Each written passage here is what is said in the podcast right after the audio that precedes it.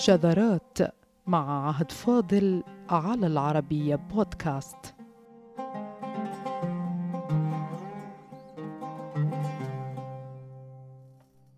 إذا أراد الناس اتهام أحد بأنه لم يقم بفعل شيء وعد به وصفوه ببائع كلام.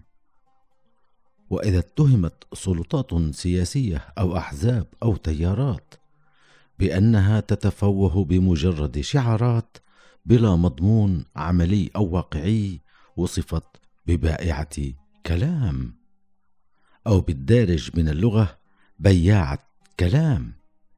حتى إن العاشق الذي لا ينال من معشوقته ما حلم به من امتلاك قلبها فيقول إنها بائعة كلام.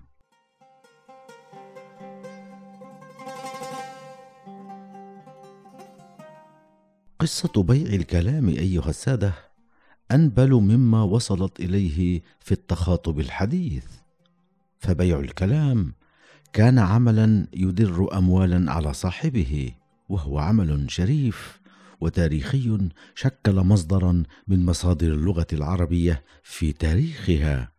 وإذا كان الآن بيع الكلام أقرب للشتم فهو في أصله كان مصدر رزق لفصحاء باعوا كلامهم وكان المشترون من أهل العربية الرؤساء. لهذا فإن إطلاق تعبير بائعي الكلام بمناسبة أو بدون مناسبة هو طعن وإن كان غير متعمد بطبقة شريفة عظيمة كان لها يد طولى فيما نحن فيه الآن ونحن نستعمل اللغة العربية الفصحى.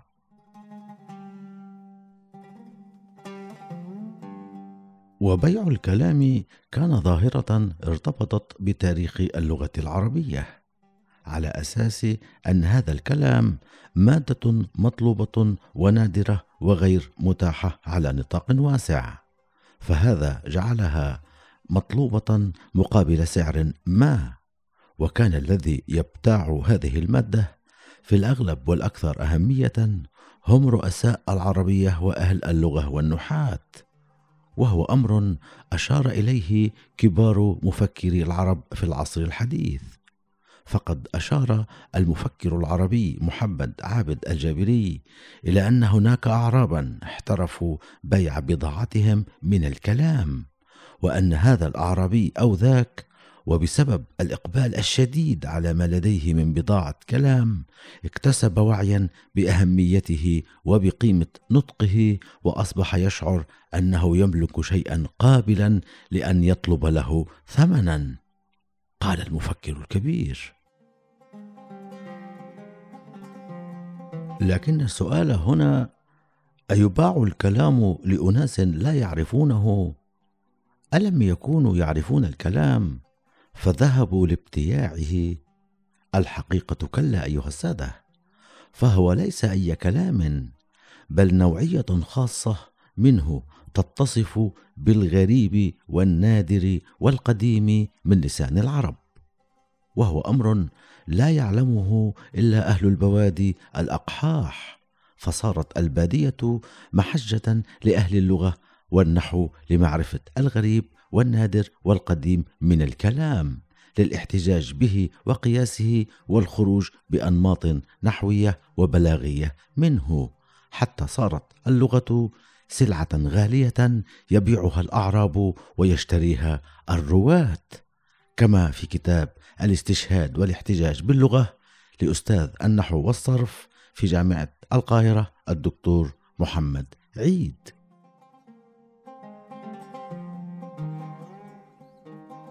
وكما يذهب التاجر ببضاعته فيبيعها في المكان الذي حط رحاله فيه. كذلك كان هؤلاء الأعراب الفصحاء يرتحلون لبيع بضاعتهم.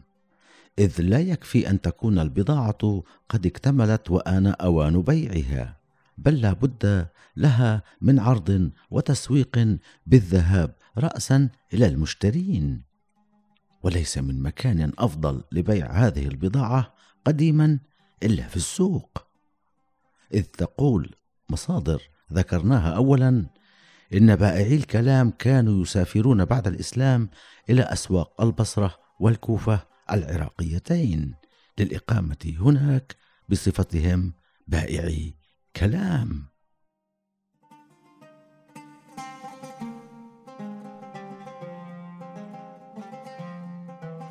فهذه الفئة أعزائنا بالغة الأهمية عند اللغويين والنحاة العرب. فهي أسهمت بتقديم مجموعة كبيرة من ألفاظ الغريب والنادر والقديم إلى اللغويين والنحويين على حد سواء إذ كلما كانت الألفاظ قديمة اكتسبت وثوقية ما وصدقا. فكان النحوي يستعمل تلك الألفاظ الواردة في نمط شعري لاستعمالها كشاهد احتجاج وكذلك فعل اللغوي حدا بحد حتى أصبح اللفظ العربي وسيلة لكسب العيش. بل إن بعض أهل الحضر رحل إلى البادية ليروى عنه من هناك وهذا يظهر حجم الطلب على فصاحة الأعراب في باديتهم وكيف صاروا مرجعا للاحتجاج في اللغة العربية.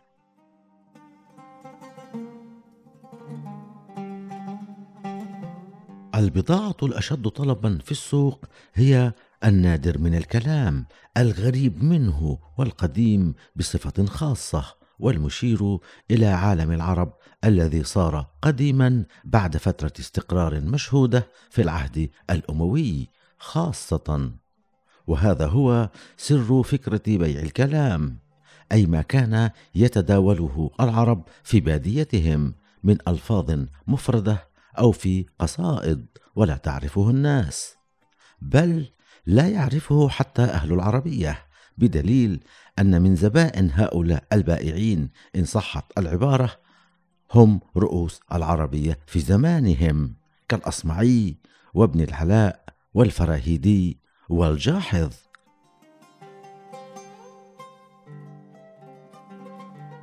إذا ما اكتملت عناصر عملية البيع بوجود بضاعة للعرض ثم بوجود مشتر يدفع من المال ما يطلب منه كما نقل الجابري بقوله حتى إذا نال الشهرة نال ما أراد من المال فإن العنصر الثالث هو المكان الذي تتم فيه عملية بيع الكلام وهو المكان الذي اصطلح على تسميته بأسواق الكلام.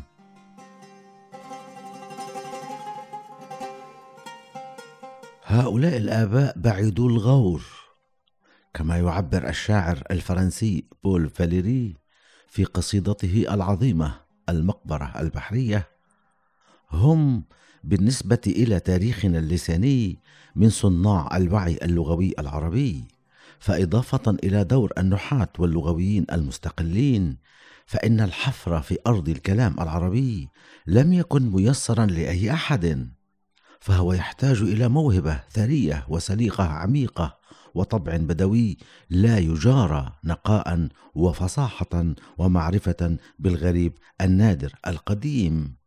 فبذلك أصبح مستحقا لأن ينقد ثمن كلامه الثمين في أسواق المربد في البصرة العراقية وعكاظ في الجزيرة العربية. كما حدد العلامة المصري الرافعي في تاريخ آداب العرب قائلا إنه لا يعرف لهم من أسواق الكلام غير المربد وعكاظ.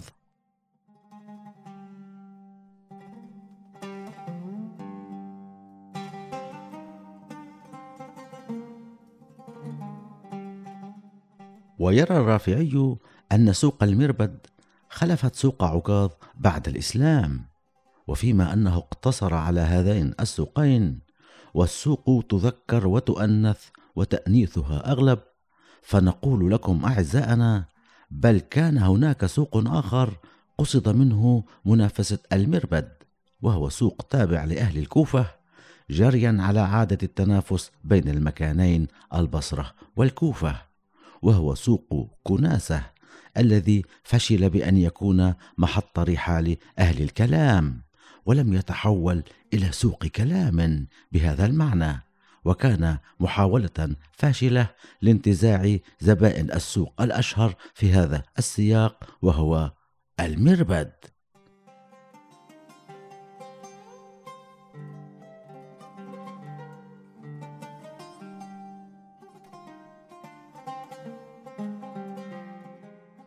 سوق المربد أعزائنا في أصلها مكان لبيع الإبل.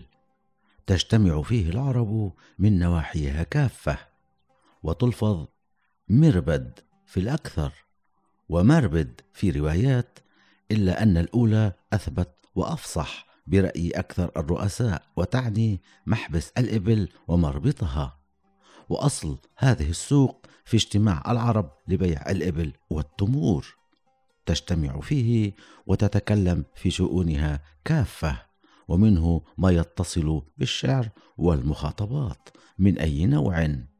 وبسبب وقوعه قريبا من أرض فارس فقد تفشى فيه اللحن في اللغة للاختلاط ما بين العرب والأعاجم. وهذا كان سببا في ارتياد الأعراب الأقحاح له من البوادي لعرض ما لديهم من أصول قديمة عربية صحيحة على أهل اللغة والنحو.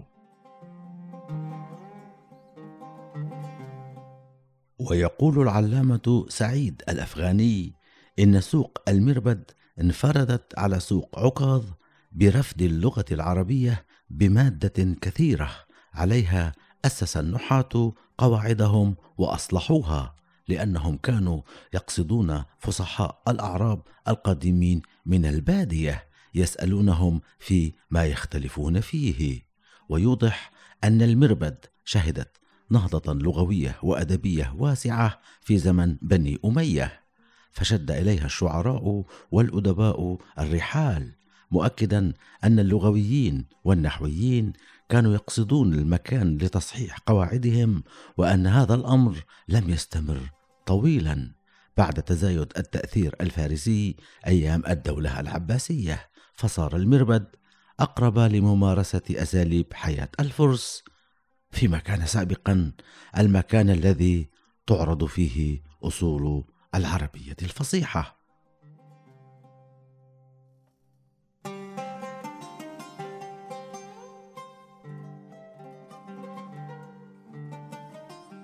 بيع بضاعة هي الكلام.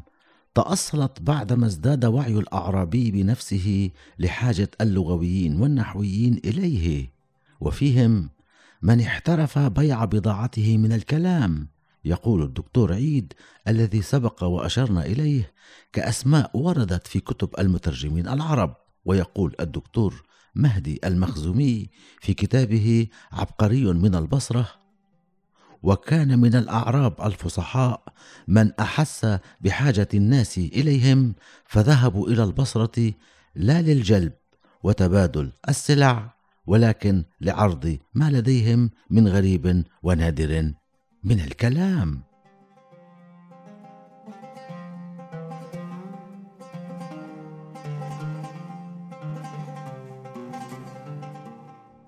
ووردت إشارات في كتب اللغة عن وصف بعض الفصحاء الأعراب بأنهم كانوا يتعمدون تفخيم كلامهم أو تغليظه أو إعرابه وذلك بهدف إقناع الراغب لغويا كان أو نحويا بما يمتلكه من معرفة بلغة العرب.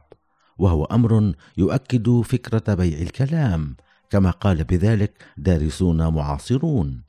ومن بائعي الكلام الذين كانوا يفخمون كلامهم عمدا أبو محلم الشيباني وقد كان أحفظ أهل زمانه بوقائع العرب وأشعارهم إلا أن هناك بائعين آخرين للكلام أشير إليهم في هذا السياق. فمن هم هؤلاء أيها السادة؟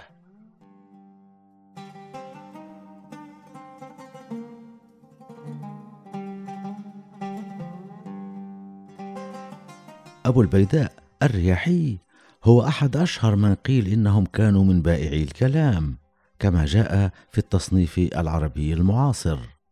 وورد في كتاب الرواية والاستشهاد باللغة للدكتور محمد عيد إنه من محترفي بيع الكلام. وبحسب تراجم الأدباء العرب فإن الجاحظ ممن أخذ الشيء الكثير عن هذا اللغوي الأعرابي الشاعر الفصيح.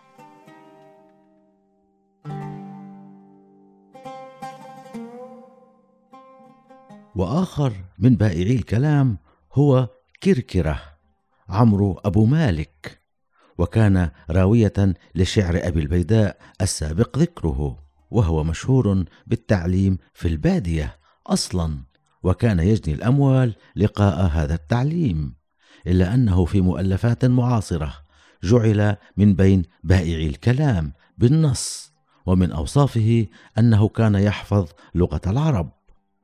وفي الحقيقة يجب أن يكون حافظا هو وغيره للغة العرب كي يتمكن من عرض بضاعته وبيعها خاصة إذا كان المشترون كالأصمعي ومن في هذه الطبقة العالية.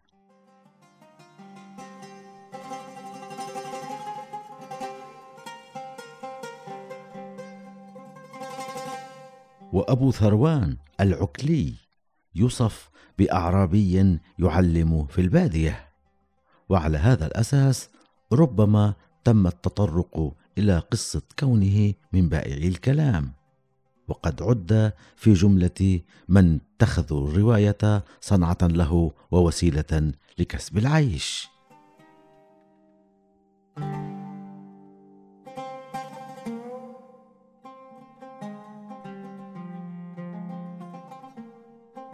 وبعد هذا كله أيها السادة فإن بائعي الكلام هم أصحاب عمل شريف إلى ابعد حد وهم جزء جوهري في نظرية اللغة العربية وتطورها عبر التاريخ.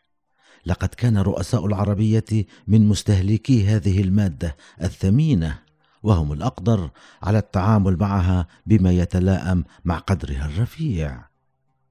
فالغريب والنادر تأريخ للسان غوص في مجاهل زمن بعيد.